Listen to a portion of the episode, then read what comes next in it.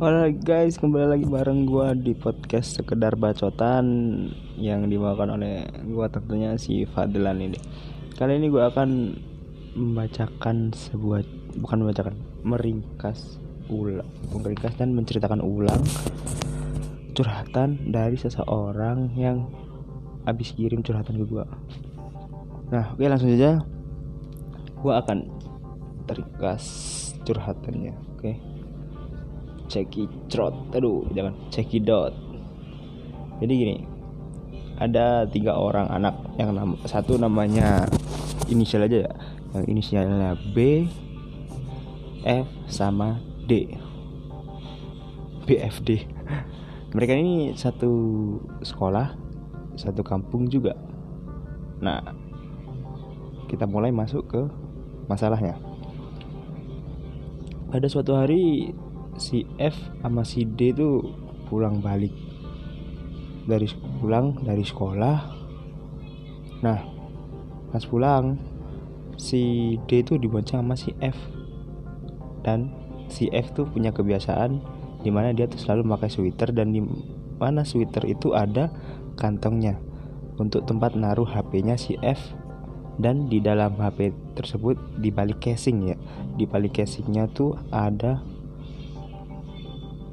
uang 100 ribu postcard dan itu keadaannya masih baru guys. Memori card juga masih baru 16 giga.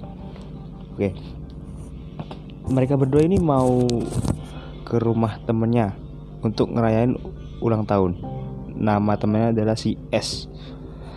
Ketika udah nyampe di rumah si S si F nih baru sadar kalau HP-nya hilang dan otomatis si F langsung panik dong. Nyoba cari ke sana kemari terus dicari. Juga ke sekolahnya yang beralamatkan ya kita samarkan apa ya desa S desa S nih ke desa S. Dan ternyata si F itu sama si D. Gak ada orang lain selain si D Nah acaranya berhenti dong karena si F sama si D itu cari HP-nya. Nah si F tuh panik sampai nangis dan mereka berempat pun si D, si F, si S, si Bunga tuh B itu si B bukan nama asli guys ya nyari HP-nya dan yang ketemu cuman postcardnya doang Nah, tapi postcardnya tuh udah dalam keadaan disobek-sobek. Ada yang nyobek postcard tersebut. Nah, si B itu berpikir, wah gimana kalau kita cari nih di sekitar sini mungkin siapa tahu kalau HP-nya ketemu di daerah sini aja. Dan ternyata ketika dicari, udah dicari, agak ketemu.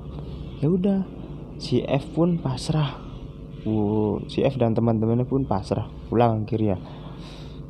Habis itu habis pulang dia ngasih tahu ke ke orang tuanya kalau HP-nya hilang. Dan si F direkomendasiin sama temennya untuk ke orang pinter biar ketahuan siapa yang ngambil HP-nya si F. Akhirnya si F pun pergi ke orang pinter.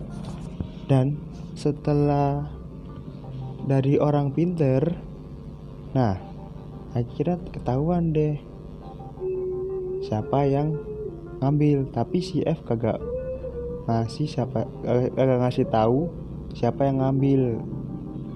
Si B, D, S kagak tahu siapa yang ngambil. Karena cuman si F doang yang tahu dan dia tidak mau ngasih tahu ke temennya. Tapi dia tetap ketawa-ketawa kayak gak punya beban gitu lah nah habis itu lanjut ngelayain ultahnya. Nah setelah ngelayain ultah ultahnya si S nih si D tuh diem diem baik gitu. Biasanya kata si ini ya katanya si anak yang curhat gue tuh si D tuh tingkahnya ya gimana ya periang gitu asik gitu. Nah habis itu pas pulang habis pulang mereka boncengan tiga B, D, F boncengan bertiga naik motornya si F. Nah, ketika si D tuh nanya ke si F siapa yang ngambil? Nah si F tuh jawabnya kayak agak judes gitulah. Nah pas di jalan itu ketemu kakaknya si F. Dan kakaknya si F pun nanyain udah ketemu apa belum? Eh udah ketemu. Udah ngerti yang ambil apa belum? gitu terus si F jawab gak usah lah ntar aja di rumah. Ntar gue kasih tahu kak.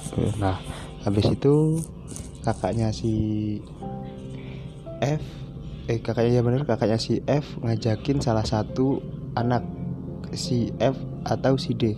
Dan ternyata si yang naik naik yang naik ke motor kakaknya si F itu si D. Nah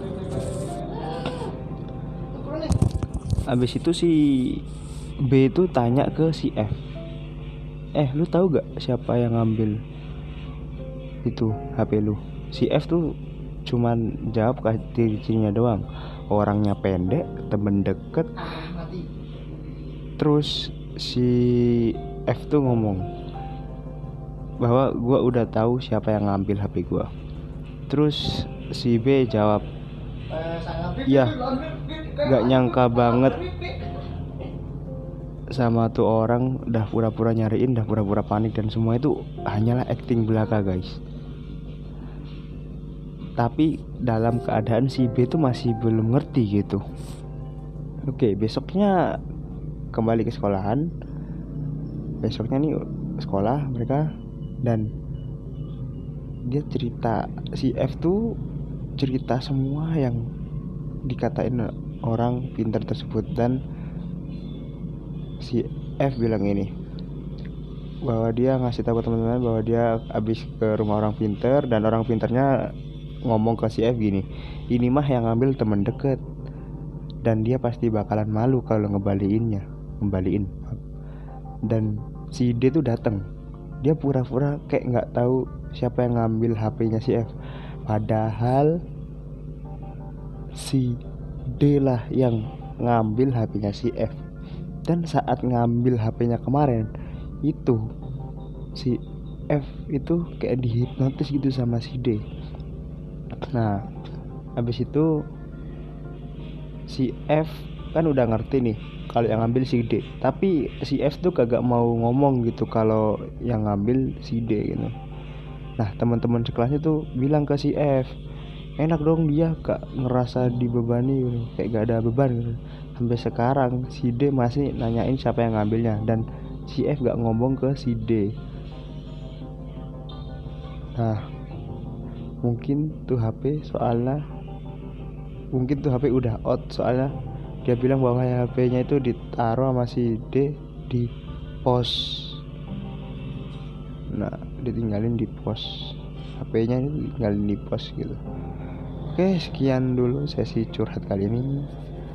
Pesan dari gua buat si D tolong ya itu bukan barang lu bukan hak milikmu tolong balikin. Kalau misalnya masih lu simpen tolong balikin nggak apa-apa.